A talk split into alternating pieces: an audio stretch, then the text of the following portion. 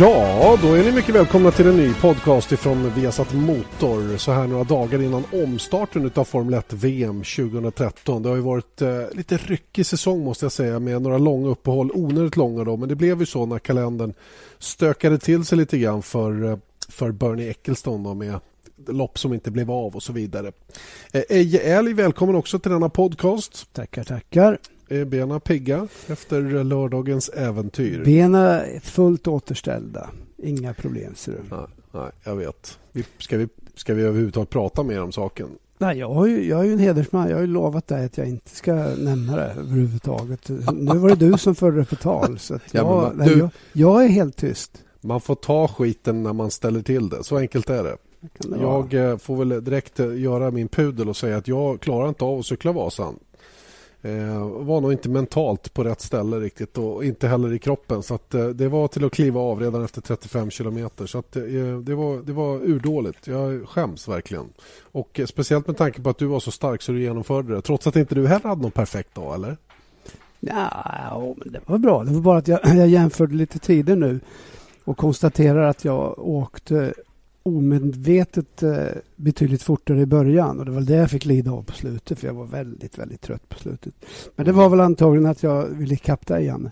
Det var väl så. Du ville jaga liksom. Jag var ju kvarten före dig på, på, i spåret så att säga. Ja, när vi kom, det var ju det när vi kom till Risberg då hade du kört ikapp det för då, då hade jag ledsnat. Jag var så fruktansvärt långsam innan vi kom till Risberg. Det vi pratar om är förstås Cykelvasan, den här mountainbike-tävlingen som går mellan Sälen och Mora.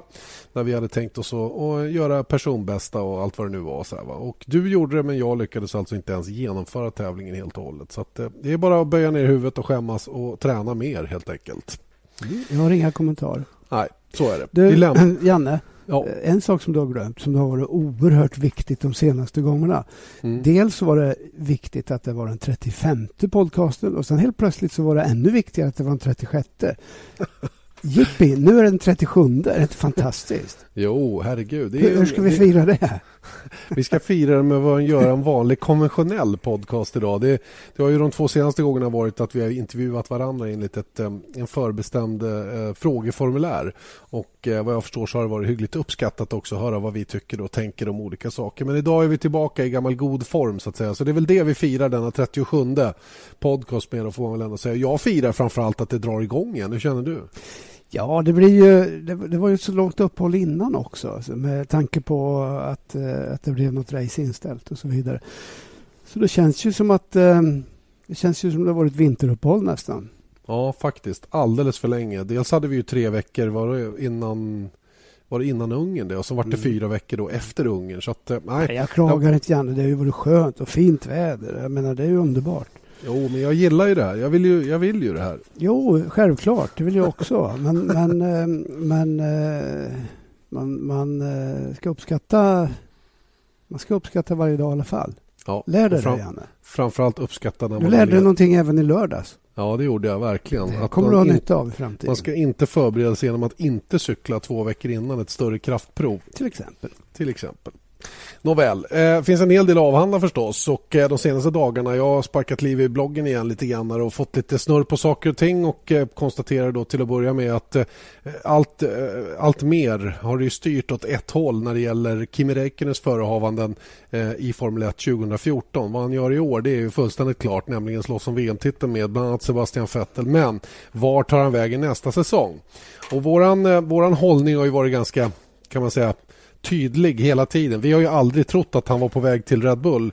Eh, nu har det ju visat sig att han faktiskt eh, har, eh, eller det har förts ganska lång, långa förhandlingar om en eventuell flytt till Red Bull. Då, men i slutändan så eh, kunde Steve Robertson, hans eh, ehm, manager igår bekräftade då att så blir icke fallet och varken du eller jag är speciellt överraskad av detta. Eh, och Det här pekar ju väldigt tydligt mot att Daniel Ricciardo får den här platsen hos Red Bull då, även om inte det är bekräftat ännu. Eh, hur ser du på den här utvecklingen och, och hur, hur nära tror du att han var Red Bull? Då? Jag tror inte eh, jag har inte ändrat mig där. Alltså jag, jag, visserligen så det är öppet för alla att prata med Red Bull, självklart. Och Red Bull är säkerligen intresserade.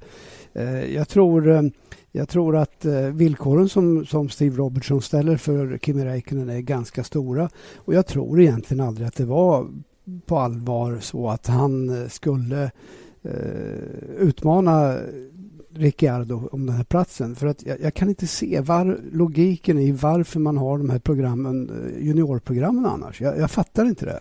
Nej. Hos Red Bull eh, tänker jag på då. Mm. Eh, bara tänk på vilka summor som har lagts, lagts ner på att utveckla de här unga pojkarna. Och ska man då bara, eh, i alla fall så länge man har en, eh, en kille som vinner och leder VM, Sebastian Vettel, varför ska man ha en till då?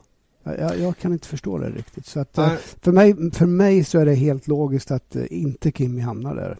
Nej, det är samma sak för mig. Jag har känt exakt samma sak. Även om jag vet att många har önskat att han ska gå dit för att eh, det skulle passa Kimi att få köra en riktigt, riktigt bra bil och alla vill se fighten mellan honom och Vettel och så vidare. Men, eh, men som sagt, eh, kan man det här med Formel 1 någorlunda och vet lite hur det fungerar så, så har det liksom så har det ändå pekat åt ett annat håll och det, det, skulle falla på många, eller det skulle falla på mycket rimligheter att, att, han, att han skulle det, gå det. Det är ju önsketänkande naturligtvis som gör att uh, den här diskussionen utvecklas. Men en sak som man aldrig får glömma när det gäller Formel 1 det är att uh, det, det är alltid, alltid en kompromiss mellan det kommersiella och det sportsliga. Så är mm. det. Det, det är mm. verkligheten. Och eh, som sagt nu när det är bekräftat att Kimi inte går till Red Bull då pekar ju väldigt mycket mot Daniel Ricciardo. Vad vet du om Daniel Ricciardo? Vad har du sett av honom under hans karriär? Förutom att det är en mycket trevlig prick eh, som, eh, som alla tycker väldigt bra om så har han ju utvecklats enormt och eh, jag tycker att han har varit oerhört stark under året eh, där han definitivt har varit bättre än eh, den andra ynglingen, eh, Värn, Jan-Erik Värn. Eh, och eh, det är på ren och, ren och rå vilja nästan på något sätt känns det som att som han har tagit det här extra klivet. För övrigt så kände jag inte till honom innan han kom till brittiska F3. Och eh, det gjorde han ju, eh, det gjorde han ju väldigt, väldigt bra ifrån sig. Och eh, dessutom i Renault 3,5 liters gjorde han ju väldigt bra ifrån sig. Så att, att han är välutbildad och att han dessutom gör ett bra jobb i F1, det vet jag. Och jag är övertygad om att han kommer att, han kommer att bidra med mycket. Och han kommer att ha en bra Formel 1-karriär om han nu tar klivet in i, Red Bull, vilket jag tror han gör. Ja, mycket som pekar för det. Eh, född 1989 från Perth i Australien. Eh, I västra Australien, eller Western Australia som faktiskt delstaten heter där borta. Då.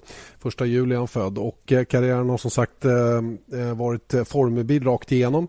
Eh, blev eh, som privatist då började han och debuterade i Formel redan 2005 då i eh, det västern australiensiska Formel Ford-mästerskapet. Därefter Formula BMW Asien, Formula BMW eh, UK. Eh, det var 2006 och sen körde han i världsfinalen då för Fortec i Formula BMW detta samma år. 2007 så blev det Renault 2 liter i Italien och han kombinerade det med några inhopp också i Eurocup.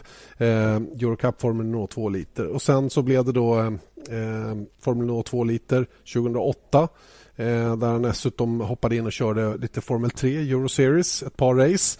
Eh, körde också Masters.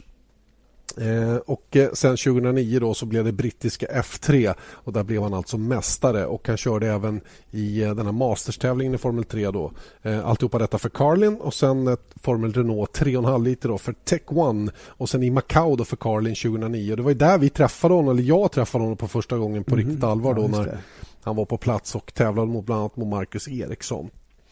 Eh, och eh, sen har han kört Formel 3,5 liter igen då eh, för Tech One 2010 och eh, kom då in som testförare för Toro Rosso 2010 och var då tredjeförare också hos eh, Red Bull så småningom. Och 2011 blev det ju den riktiga F1 Eh, vad ska vi kalla det, debuten då när han kallades upp i HRT eh, och eh, fick köra 11 race den säsongen 2011 och därefter har det varit två säsonger tillsammans med Toro Rosso då, den föregående, alltså 2012 och årets säsong och nu är det mycket som talar för att han då tar steget upp i Red Bull Racing och var, vad kan han åstadkomma där tror du?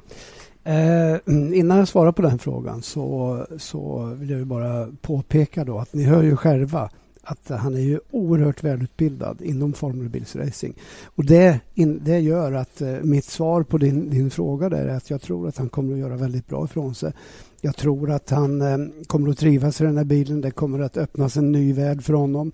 Eh, han gjorde väldigt bra ifrån sig på testen som han gjorde i Silverstone. Teamet var väldigt nöjda med honom. Och jag kan inte se att han ska vara mycket långsammare än eh, till exempel Mark Webber och då pratar jag om redan inledningsvis. Här. Hamnar du i en bra bil, eh, en, en bra bil som ger dig förtroende eh, och självförtroende som bara ökar undan för undan, ja då går det fortare och fortare. Och, och eh, han har lärt sig de här viktigaste nybörjarmisstagen. Så att jag, jag tycker att man ska kunna ställa ganska höga krav på honom redan nästa år. Mm. Ja, det ska bli spännande att följa faktiskt och se var, var det tar vägen. För att eh, I allmänhet så brukar man ju säga att eh, automatiskt när man hamnar i en bra bil så, så börjar man göra resultat som är i nivå på den här bilen. Då. Kanske inte den sista lilla eh, sista lilla upp till världsmästarnivå men ganska omgående så ser man om, om, om föraren då har har den, det som krävs så att säga, för att vara med på en gång. Och, eh, nu är det visserligen ett nytt reglemente som gäller för nästa år. Ganska stora förändringar dessutom. kommer att ställa stora krav på förarna. Och vi vet ju då med marginellt med testning, även om man får mer testning inför nästa säsong, så är det mycket man ska ta in och lära sig faktiskt nästa år som är ganska olikt det vi har i år. Ja, jo, men det är klart att det är. Det blir en annan karaktär på, på powerbandet eller vad heter det, kurvan, eh, motorkurvan så att säga. Mm. Och det kommer att se, kännas lite annorlunda och dessutom en hel del annorlunda eh, rent eh, mekaniskt och aerodynamiskt som, som gör att det kommer att bli en skillnad. Men det är ju samma för alla och jag kan inte se att eh, det ska vara något handikapp för, för Daniel Ricciardo. Snarare tvärtom.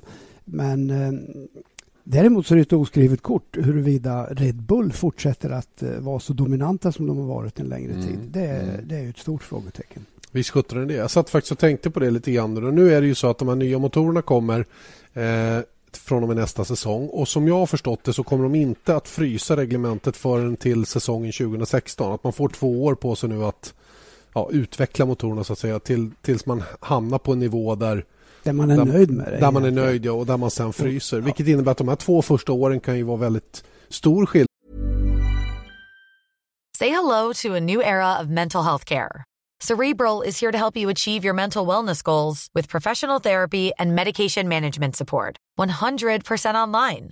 You'll experience the all new Cerebral way, an innovative approach to mental wellness designed around you. You'll get a personalized treatment plan from a therapist, prescriber, or both in a safe and judgment free space.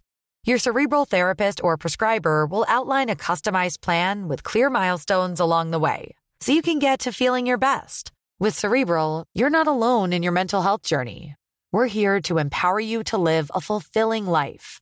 So take that first step towards a brighter future and sign up today at cerebral.com slash podcast and use code ACasts to get 15% off your first month. Offer only valid on monthly plans. Other exclusions may apply. Offer ends July 31st, 2024. See site for details.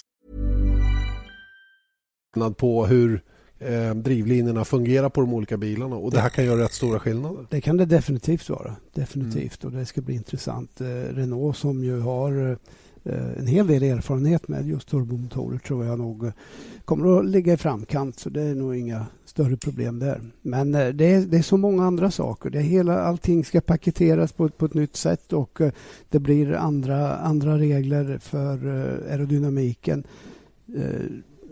Det kan, det, det kan svänga enormt mycket faktiskt nästa år. Mm. Eh, och det, eh, ja, det ska bli jätte, jätteintressant faktiskt att se vad, vad, vad det får för påverkan faktiskt på, på styrkeförhållandena. Jag, jag tror väl inte att det blir några dramatiska förändringar för hur den är så är det ju så, så eh, den ekonomiska situationen spelar en väldigt stor roll. Och jag antar att det är någonting som Steve Robertson och Kim Räikkönen tittar väldigt noga på nu då inför nästa år. Eh, Kimi Räikkönen då som, som eh, i någon finsk skvallertidning har placerats eh, redan nu då i Ferrari till nästa säsong och då i sånt fall som teamkamrat till Fernando Alonso. Det var ganska vilda rykten både till höger och vänster om att Alonso skulle lämna Ferrari och göra något annat och att det skulle bli något byte mellan, mellan Lotus och Ferrari och allt vad det nu var. Men, men skulle Kimi gå till Ferrari så känns det som att det är ju tillsammans med Alonso att det skulle bli någon form av dream team då som man skulle se då i, i Ferrari redan 2014. Ja, eh, visserligen så var det lite ordväxling mellan eh, Montezemolo och, eh, eller det var inte ordväxling, han var lite missnöjd med uttalanden som eh, Alonso hade Eh, Eh, hade haft efter Ungern där. Eh, nu är det ju så att det blir alltid såna här saker när det går dåligt och det har gått sämre och sämre för Ferrari. Eller rättare sagt, man når inte upp till de förväntningar som man har själva och eh, som andra har. Och dessutom, när man började säsongen på ett rätt så hyfsat sätt så eh, blir ju förväntningarna ännu högre. Mm. Och eh, då är det lätt att, att det blir de här grejerna. Men jag är övertygad om att det där har, om man pratat sig igenom och Alonso är självskriven där i mina ögon. Ehm, jag ser, jag ser en, en möjlighet för Kimi att hamna där. Och, och, hur skulle du se på det då? Blir det inte ett dream ja, team? Jag, tycker, jag, för mig känns det som det. Vad sa du? Att det blir någon form av dream team. Ja, det är klart att det blir. Men jag är inte så hundra på att... Eh, vi pratade nyss om det här nya reglementet, nya motorer. Och eh, om eh, Ferrari inte får fart på en bil nu med ett gammalt reglemente egentligen, eller ett förfinat reglemente. Eh, hur ska de då få i ordning på, på eh, någonting helt nytt? Där tror jag att de kommer att köra fast och det tycker jag definitivt att Kimi ska ska ha i åtanke innan han tar sitt, det, det, viktiga beslutet. Och det är trots allt eh, att Rory Byrne ser ut att vara väldigt starkt involverad. James Allison har kommit till Ferrari. Eh, de här sakerna borde ju vara rätt eh, intressanta ändå när man tittar på nästa år också. Allison jag. Eh, jag skulle nog vilja säga att Rory Byrne som, som är en god vän till mig till att börja med som jag har sett eh, utvecklas eh, redan från F3 och vi har, vi har tävlat med och mot honom och så vidare och har, hyser all, allra högsta respekt för. Men ärligt talat så tror inte jag han har varit tillräckligt involverad under de sista tio åren för att han ska vara en avgörande faktor. Nej. Det säger jag. Jag säger Däremot inte emot. James Allison, ja. Mm, mm. Nej, jag säger inte emot när det gäller Rory Byrne. Jag menar, ska, ska, du vara involverad i den här branschen på den nivån vi faktiskt pratar om då ska du vara typ Adrian Newey. Va? Då ska du vara mitt i alltihopa 24 timmar om dygnet, Janne. Du ska Precis. sova med det alltså, mm. och, och, vakna med nya idéer. Och det har inte han gjort. Alltså, så att, uh, jag, jag Nej, Ferrari, jag vet du har frågat mig förut vad, vad, vad, gör de för fel? Jag har inte kunnat svara på det. Jag bara kom på det här om dagen. De gör precis, det är precis samma effekt som med Toyota när Toyota kom in i F1. Mm. Det är för stort, det är för mycket politik, det är för få människor som vågar sticka ut hakan. De vet alltså att de blir halshuggna om de tar, gör ett misstag, eller de är rädda för det. Och, och eh, Det är nämligen så att i Formel 1 eh, så Eh, Eh, även om det är jättestora team, så är det individualister som, eh, som för det framåt, som, som får tåget att, rulla så att säga. Eh, typ Adrian Newey, eller det finns hur många som helst man, man kan, kan räkna upp. och jag, jag, tror att i, hos Ferrari så är det lite för politiskt och lite för hierarkin är för, för stor och vi, vi har Montezemolo där uppe. Ingen vågar, vågar prata över skägget egentligen och det, det där är lite det är lite Toyota-syndrom över det. Ja, jag skulle inte säga att man i Toyota hade det där management by fear men det verkar mer som om Ferrari använder sig av den taktiken att när Montezemolo morrar till, ja då, då drar alla öronen åt sig och, tänker inte väcka den björn som sover på något sätt. Va? Och det, och det, den typen av ledarskap, jag känner inte Montezemolo överhuvudtaget, jag aldrig, eh, men, men man, bara utifrån kan man ju ja, spekulera ja. eller tror, observera snarare så, så, så, verkar han ha den effekten på folk. Han är lite så det, intimidating. Va? Visst är han det högst upp. Nu tror jag inte att det är bara han som är den största bidragande orsaken till det här utan det är, det är hela situationen och det finns en massa underhuggare även under honom. Men hela situationen skapar just den här Eh, den här eh, situationen där individualisterna är rädda för att ta det där steget eh, och, riskera saker. Det är extra mm. steget framåt. Och det gör att, att man kör fast. Och, och det jag menar, framgång i Formel 1 handlar om, att, om, i allra högsta grad om, och i all motorsport, flexibilitet. Att kunna omedelbart eh, dyka ner, göra de förändringar som behövs. Och då, då, finns det inte plats för, för någon som, som tvekar i de situationerna. Mm. Um, Ja, det ska bli spännande att följa Ferrari faktiskt för att de är ju på något sätt en liten gåta. Man, man lyckas aldrig förstå det där teamet. Man lyckas aldrig förstå med alla dessa resurser och alla dessa kunniga människor och allt som finns. Den föraren de har i bilen och ändå så saknas det där lilla extra. Det är märkligt faktiskt. Det är, alla ingredienser finns där men på något sätt är det någon kock som inte kokar det rätt. Men titta his, genom historien Janne, det har alltid varit så egentligen. Mm. Det är vissa perioder där, eh, där saker och ting faller på plats och då vinner de allt. Men sen har de ju... Jag menar, hur länge dröjde det inte efter att de, att de vann VM.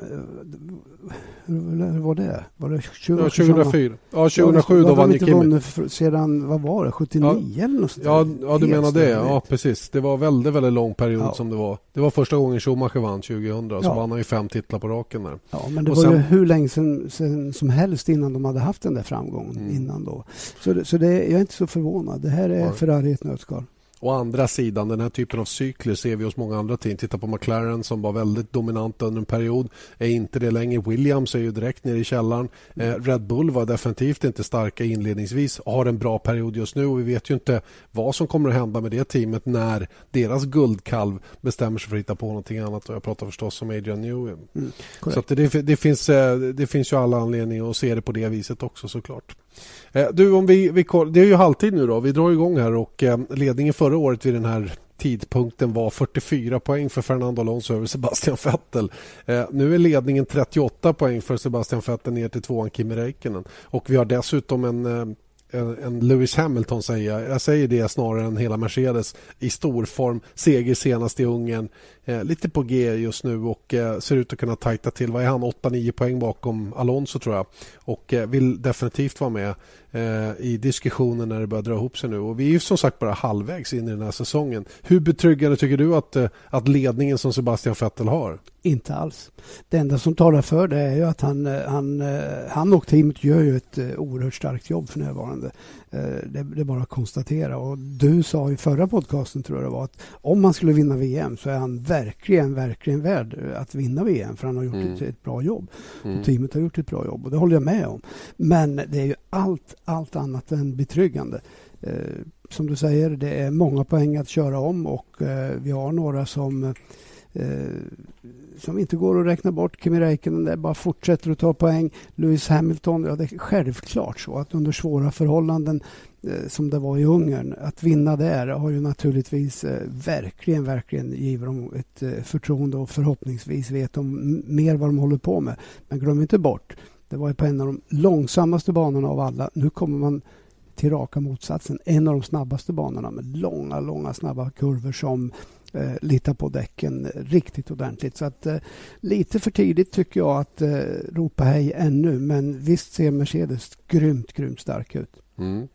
Eh, om vi tar Ferrari då, som vi har pratat väldigt mycket om redan då. Eh, tappat formen lite grann då, speciellt sen de introducerade de nya däcken. Det verkar inte Ferrari riktigt vara överens med. Och eh, det är ju en nöt de måste ha, ha försökt lösa nu då fram till dess att man kommer hit till spa. Ja, ja jag... Ehm, eh, jag vill inte verka negativ, va? men jag, av någon, någon anledning så känns det inte riktigt betryggande där. Det känns inte som att man Eh, har koll på läget. Man irrar omkring och eh, precis som jag sa förut, man, man är lite rädd för att ta nästa steg och prova sig fram. Eh, och, och, det ligger väl i det här att man, man, eh, man är rädd för att få skulden för någonting. Så att eh, det känns inte som att, eh, att, att de de har den starkaste bilen på långa vägar. Lägg dessutom till att eh, Spa är ingen, eh, ingen favoritbana för Alonso. Han har aldrig vunnit på Spa till exempel. Han har aldrig startat på, på, i första startleden ens en gång. Nej, och förra året blev han rammad och på att bli illa skadad också. När ja, har inte varit på podium sedan 2007. Det är fem år sedan, Janne. Mm. Nej, det är, inget, det är inget bra omen, nej. även om eh, banorna har varit bra för, för eh, vissa som har kört för Ferrari. Då. Men just Alonso nej. verkar ha lite små ja, jinxat här. Så, så, så det, det, jag säger är egentligen att eh, jag tror inte att Ferrari och Alonso kommer att vara med och slåss om, om VM in på mållinjen som förra året. Utan det kommer att stå mellan Vettel, Räikkönen och Hamilton. Mm. Eh, och det leder oss in lite grann på Lotus då, som ligger fyra i konstruktörsmästerskapet eh, främst då genom Kimi Räikkönen. Grosjean har inte backat upp det där lika bra. Eh, fortsätter att vara lite för långsamma i kvalen men jag tycker faktiskt att Lotus har hanterat de här, den här förändringen på däcken bättre än vad Ferrari har gjort. För de hade ju ett liknande läge båda de här teamen ändå. Och de har på något sätt lite, lite bättre koll på hur, hur stor påverkan den här förändringen hade. Mm. Um låt oss vänta lite med, eh, med den bedömningen. För att jag är inte så hundra på att, eh, att, eh, att däcken spelar så där jättestor roll egentligen. Utan det är snarare dagsformen och den stans man tar inför varje race. Så att, jag tror inte att... Jag menar, man har kört på den här typen av däck tidigare och jag kan inte se att man helt plötsligt ska, ska ha glömt bort det på något sätt. Nej. Ja, men... Vänd på det. Jag menar, nu är det ju då Force India som, som eh, också in, som inte fungerar på de nya däcken, säger de, eller säger mm. folk. Ja. Jag, jag, tror inte det. Jag tror att man helt Say hello to a new era of mental health care. Cerebral is here to help you achieve your mental wellness goals with professional therapy and medication management support. 100% online. You'll experience the all new Cerebral Way, an innovative approach to mental wellness designed around you. You'll get a personalized treatment plan from a therapist, prescriber, or both in a safe and judgment free space. Your cerebral therapist or prescriber will outline a customized plan with clear milestones along the way so you can get to feeling your best. With Cerebral, you're not alone in your mental health journey. We're here to empower you to live a fulfilling life. So take that first step towards a brighter future and sign up today at cerebral.com slash podcast and use code ACasts to get 15% off your first month. Offer only valid on monthly plans. Other exclusions may apply. Offer ends July 31st, 2024. See site for details. Enkelt kört fast lite grann i utvecklingsarbetet. Och det är nya förutsättningar som gäller vid varje ny bana. Helt andra saker som, som gäller. Och, och eh, det gäller att skruva på de grejerna som, som eh, funkar. Och det gäller att eh, göra de inställningarna som funkar som ger föraren det riktiga eh, riktiga självförtroendet som gör att man verkligen vågar och kan utnyttja bilen till 100 mm. procent. Det är ungefär samma sak som den här övertron, enligt mig, på upp, uppgraderingar av bilen. Eh, ibland så, så kanske det, det Eh, eller jag tycker att det ställs lite för stora förhoppningar på det. Istället för att fokusera på det man har att försöka utveckla och förbättra eh, så, så tar man för givet att bara för att någonting fungerar i vindtunneln eller vad det nu kan vara, eller något dataprogram, så ska det funka ut på banan och det gör inte det. Nej. Nej, det har ju många team eh, fått eh, eh, ganska dyrt erfara att det här med correlation eller jämförelserna mellan... Det tycker jag var lite intressant. När Martin Whitmarsh blev långt, länge intervjuad av eh, jag tror det var John, Jonathan Noble på Autosport eh, just om det här eh, hur han beskrev att fjolårets bil fungerade bättre än vindtunnelvärdena. Årets bil fungerar lite sämre än vindtunnelvärdena.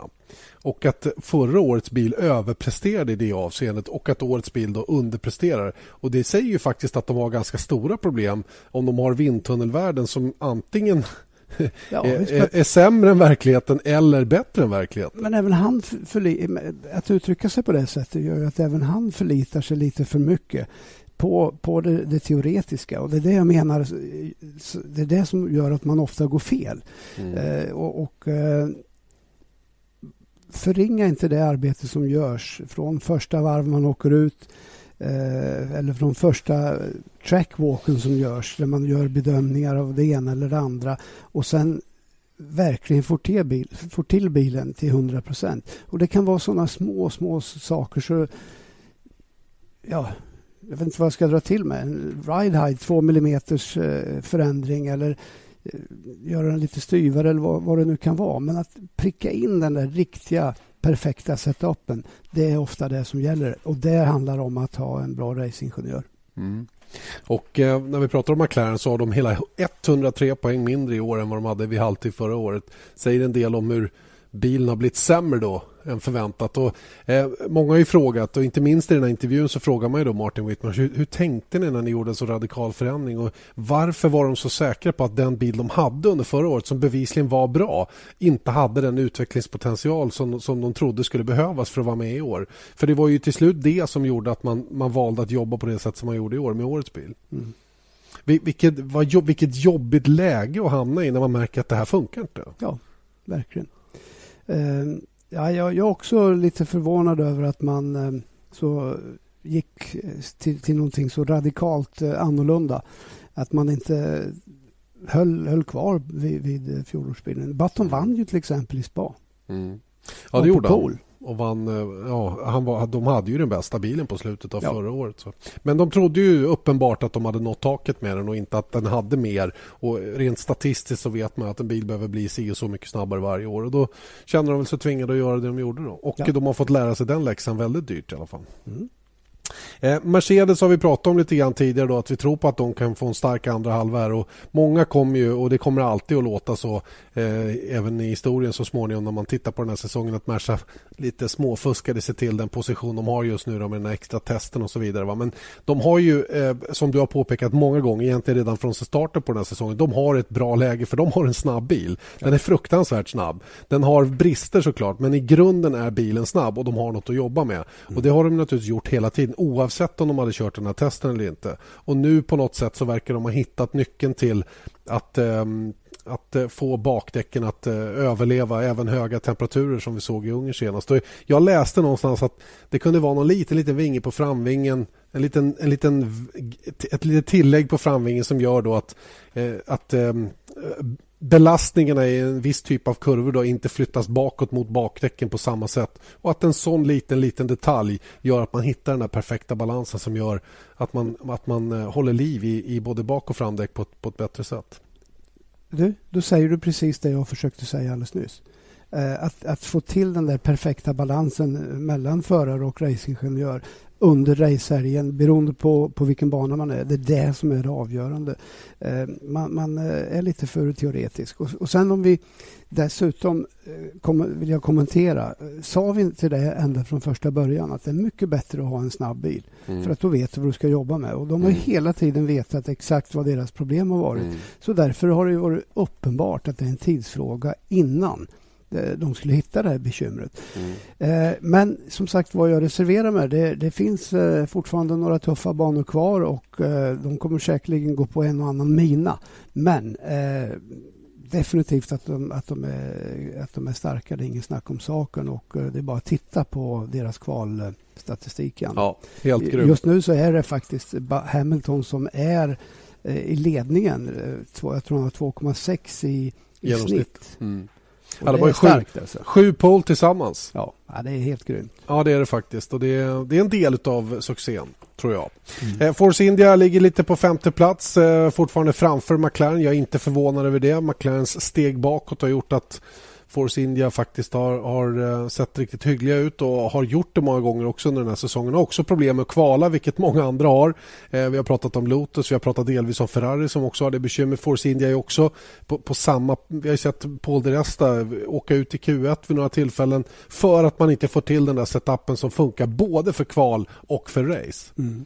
Ja, det är ju naturligtvis eh, eh oerhört viktigt och eh, det där är ju någonting som Red Bull Eh, så småningom snappade upp eh, också. För de var ju, de gick ju för pool enbart alltså förut och sen så var de tillräckligt bra för att disponera loppet utifrån den situationen så att säga. Mm. Nu är de inte det längre och det har de, har de fattat. Så att eh, det handlar stor, till stor del om att disponera en racehelg på, på rätt sätt. Det är det, det är det man måste göra. Absolut. Det är samma sak med Lotus fast åt andra hållet egentligen. Ja, lite så är det ju faktiskt.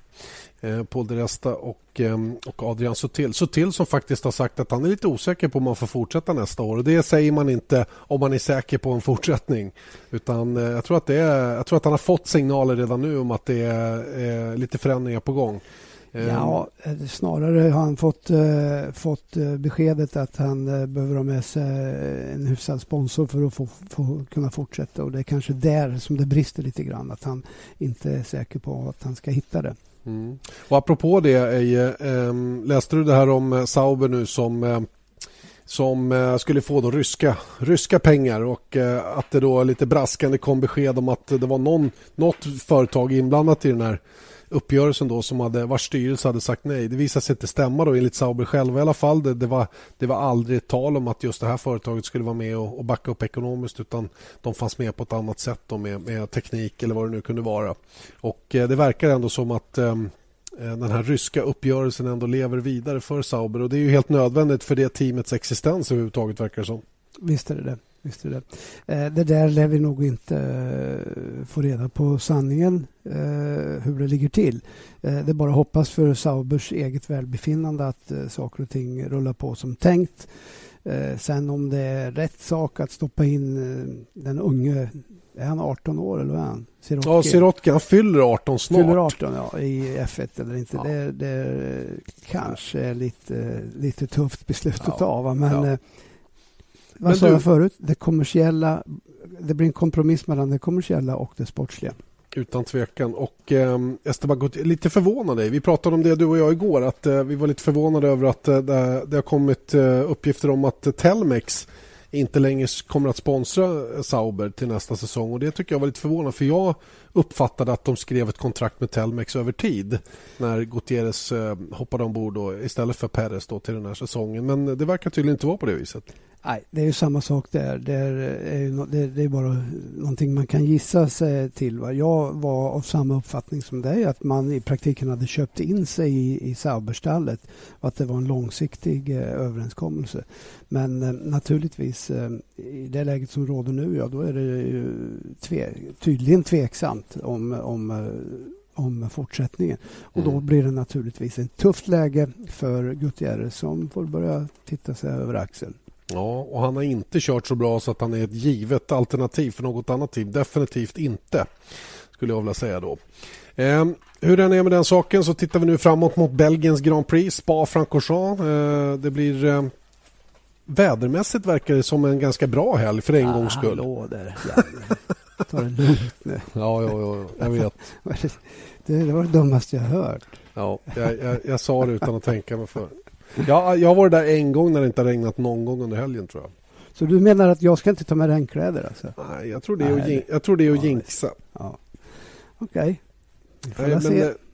Prognoserna är positiva i alla fall, så vi får väl se Nej, vad som det, händer. Du, det blir ju roligt med, med eh, de eh, väderförut... Eh, väderleken ser ju alltid till att det blir bra mm. race där nere.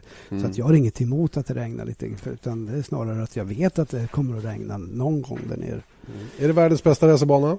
Ja, en av världens bästa racerbanor är definitivt. Alltså, det är inget snack om den saken. Den, den har i stort sett allt. Eh, det enda som jag inte gillar är väl den här sista chikanen innan start och mål. Den tycker jag är för tråkig. Men tidigare hade man busstop. Eh, ja, men den var inget bättre. Ja, den var inget då, bättre den. Alltså. Den var orytmisk och inget bra alls. Men resten av banan är ju oerhört fin. Alltså. Ja, jag tycker ändå den där sista inbromsningen nu, den är lite uppför. Eh, det, det, är ganska hård inbromsning. Det går att dyka på innen och det finns asfaltavåkningszoner om det skulle bli trångt. Och, Eh, den, är, den är långsam naturligtvis, men den bjuder in. För det kommer ju, du kommer ju från ett sånt oerhört snabbt parti innan Blanchimont och sista biten upp där. Så att, eh, jag är inte helt negativ till avslutningen. Jag tycker definitivt att det är bättre än gamla Bastop i alla fall. Ja, jo men det är det. Och... Eh... eh jo, fine. Jag menar, det finns nästan inga bra chikaner. Det är bara att konstatera. Ja. Det är ett gissel med, med chikaner för det är en konstgjord sak som är till för att hålla nere farten och, och det gör att det blir orytmiskt. Och, eh, jag tycker bara att det är lite synd på en sån fin bana. Mm. Eh, men annars så finns det ju otroligt eh, underbara partier helt, helt eh, klart. Alltså, och eh, en förarbana. Definitivt. Ja, Kanske ju... därför Kimi Räikkönen har vunnit fyra. Skulle ha vunnit fem om han inte hade brutit på sista varvet något år där. Just det, just det. Det vart lite stökigt där eh, i avslutningen. Eh, hur den är så, så är ju Belgien eh, för förarna i alla fall en favorit och många av de som åker dit ner och tittar också tycker att det är en favorit för det, det, det är väldigt speciellt att vara där. Den är jättelång, den är 7004 meter, längsta på hela kalendern och den har, jag tror den är är det 60 meter mellan lägsta och högsta punkt på banan också. Eh, så lägsta punkten som är väl nere i botten på Rouge då skulle jag kan tänka mig. Då. Högsta punkten är precis innan Rivage uppe på toppen efter Lecom. Och eh, den är ju oerhört kuperad. Det är som sagt väldigt ofta dåligt väder. Och sen har vi världens kanske mest berömda kurva. Då. Apropå chikaner, var det inte ett år man hade en chikan genom Eau Rouge? Eh, jag tror att det var säsongen jo, 1994. 94. Vilket fiasko! Det kan man Totalt. inte ha. Nej. Det är klart man inte kan. Jag förstår varför. För året innan kraschade väl Alexanardi där i, mm. i Eau Rouge. Det var många som smällde ordentligt där. Mm. Alltså, jag menar Villeneuve, Sonta eh, mm. eh, kraschade ju på löpande band där och skrot, totalskrotade bilar. Mm. Man fick skicka, skicka bud till, till testteamet. Eh, testteamet som var på väg till Monza för man, hade, man hade inga chassi kvar. Så att, eh, här är ett tufft avsnitt definitivt. Jag, mm. du, jag undrar om det inte är lägre punkt nere i, heter det Stavelot där före Ja, det kanske, det kanske det är. Mm. För du, du vet, vi cyklade där. Du kommer ihåg hur jäkla tungt det var upp till start och mål? Där också, inte bara på Vasan. På, på spa också. Nej, vi, vi plågade oss upp för Orouge, eller ja, både nerför och uppför och försökte illustrera förra året. En, en, en videoklipp som finns på vår Facebook-sida för övrigt. Titta gärna på det eller gå in på min blogg eh, ffblogg.teknikensvarld.se Senaste inlägget där så jag har lagt med den där lilla filmen så kan ni kolla eh, hur, eh, hur det var när vi cyklade förra året och eh, det var ju tungt såklart. Eh, och det är mycket, mycket brantare än vad man förstår. Speciellt när man sitter på cykeln och ska upp på toppen där. Mm. Visst är det det. Mm. Eh, vad ska vi säga mer om spa förutom vädret? Eh, vad, vad, gör man med bilen? Här? Det är någon slags kompromiss mellan ja, är, low downforce och... Ja, det är ju low downforce i sektor, sektor 1 och, och, sektor 3 egentligen. Men sen har du de här snabba eh, partierna i sektor 2, eller snabba svängarna, långa svepande svängar, där det i praktiken krävs eh, mycket, mycket downforce. Och eh, det blir en liten kompromiss där också. Man måste, måste välja tidigare så Red Bull valde ju bort toppfarten och gick enbart för, för eh, aerodynamik och downforce. Och det höll då. Jag tror inte det håller nu utan nu måste man nog hitta något läge där man åker lite snabbare. För man är lite väl utsatt. Alltså det finns för många ställen. Eh, jag tänker i slutet på Camelrakan in, eh, inbromsningen till sista chikanen där. Har du inte haft fart med dig hela vägen där, ja, då är du ett lätt byte. Och det blir man idag. För konkurrensen är högre än vad man, vad man är van vid. Så att eh, eh, en svår bana att eh, hitta de riktiga inställningarna. Mm. Men vi ja. glömmer det viktigaste av allt, Janne. Va, är det pommes frites och majonnäs? Pommes frites och majonnäs. jag säger, jag säger till världen, åk till spa. Pommes frites och majonnäs, oslagbart. Och lite Leffes. Leffes. Ja, Lite, lite belgisk öl. Belgisk öl är bland de bästa Lägger i världen som också. bomull runt hjärtat. Ja, det är kärlek. Kärlek. Ja. Tur för dig som får åka dit. Jag sitter kvar hemma i Stockholm den här helgen. Eh, vi återansluter till varandra på, på Monza istället. Eh, hur den är så kommer det bli ett spännande race eh, Spa-Francorchamps. Vi börjar ju som vanligt på fredag klockan 10 eller 9.55 drar vi igång sändningarna då ifrån Belgien med den första träningen. Den andra träningen startar 13.55 och sen på lördag då är det ju 10.55 som gäller och kval 13 eh, och 55. Eh, och sen har vi Marcus Erikssons första race och då kommer vi in på GP2 då. De kör 15 och 40, det vill säga vi börjar sändningen 15.35 på lördag eftermiddag. Och eh, Belgien, eh, apropå krascha i Rouge, vi hade en riktig smäll där. Var det Nigel Melker tror jag som åkte av förra året, blev stående där uppe ja, och man var tvungen att ta hand om honom och det blev en riktig maratonsändning eh, med GP2-loppet. Dessbättre så vann ju Marcus racet och eh, det var ju eh, någonting som vi gärna har med oss i år också. Jag tror att eh, han har goda chanser var, faktiskt. Var det inte då som Guido van der Schard ledde och väntade oerhört länge med mm. sitt påstopp. Just det, just det. Jag tänkte, men hallå, hur länge ska det här gå? Egentligen? Ja, men det stämmer. Det stämmer. Och ja. det var nästan hemmaplan för holländarna då i Belgien. Ja, ehm, jag tror att Eriksson har bra chanser den här helgen också faktiskt. Han är i bra form just nu, det är ingen tvekan efter vad vi såg i Ungern också. Riktigt bra form och han har fått med sig teamet på allvar. Eh, det gick ju så illa i början och det bara kan vi konstatera att, eh, som vi nämnde tidigare också, att eh, det är lätt att, att när resultaten inte infinner sig, till slut så tappar man humöret lite grann.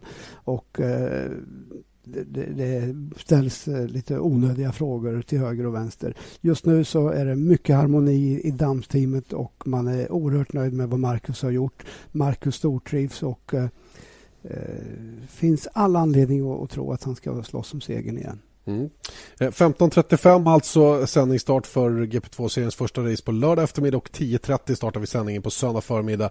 Då är det sprintracet. Sen är, ska vi visa GP3-serien och det är lite kul med GP3 för de hade hyrt in eh, via Koiranen Kimi Räikkönen av alla som visar noll prestige och hoppar ner i GP3-bilen för att hjälpa organisationen med att hitta sätt att få den här bilen lite mer omkörningsvänlig. Det har man verkligen inte lyckats med. Den här nya bilen är i praktiken omöjlig att köra förbi någon annan med. Konstigt. Den, den är helt hopplös. Alltså. Ja. Och eh, jag skulle vilja säga, efter att ha sett en del nu, alltså, det har lite grann med motorn att göra. Och, eh, Ja, du säger det. Du tycker ja. att de är lite för snälla, va? Ja, de är lite för snälla. Man, de har ett lite för kort register där all kraft är. De varvar inte tillräckligt och, och eh, de blir oerhört förlåtande, så att säga. Och mm. eh, Det är så lite du kan göra med en sån motor. Eh, det har i stort sett ingen betydelse hur mycket du än missar. Det, du behöver inte ens växla ner utan bara gasa på så, så drar den iväg. Och det, det är sådana där saker som gör att det blir det blir lite fel förhållande mellan, mellan greppnivå och motorstyrka. Mm. Och, eh, det var ett problem som man hade i F3 också under en, en period. Va? Ehm, och till viss del lider av fortfarande i F3, skulle jag vilja mm. påstå. Och sen, och sen var du inne på en annan grej också, att uh, den här, de här kjolarna, eller den ground effect som bilen skapar, mm. är lite för mycket. Uh, för man tittar, tittar på vingarna, de är ju obefintliga ja. på bilen. Men den har fortfarande väldigt mycket downforce genom kurvorna. Ja, är det, man har gått lite snett där. Alltså mm. det, kul att se i alla fall att Kimi gjorde det. Jag vet inte hur många varv han gjorde, men han var bara en, en halv sekund långsammare än än eh, poltiden tror jag. Just det. Eh, och då ska vi komma ihåg en sak. Är, de däcken som man körde på i Barcelona de, de var mycket mjukare än det de åker mm. på nu. Så att, eh, det är stor skillnad. Och Kimi, det var, det var jag tror det var Adam Cooper, den F1-journalisten, sa det att han kanske han kanske passade på nu och kör lite juniorformel här för han har knappt kört något. 23, 23 race i Formel Renault innan han blev Formel 1-förare. Ja, just det. Det är ju rätt speciellt faktiskt för en kille av Kimi Räikkönens kaliber. Eh, GP3 som har Jimmy Eriksson till start eh, även denna helg. Då. Vi startar eh, den sändningen på lördag eftermiddag 17.15 mm. och ni vet att den andra sändningen på söndag förmiddag börjar 09.20. Janne, eh. vi såg vi en ljusning senaste tävlingen på Jimmy där som, ja. i Ungern som verkligen var med och högg där uppe. Nu höll den inte hela vägen men han visade ändå lite bättre takter. Det har gått lite trögt i början. Mm. Inte kommit överens med däck och bil och sånt. Men Nej, det, det är kvar... bra ut där.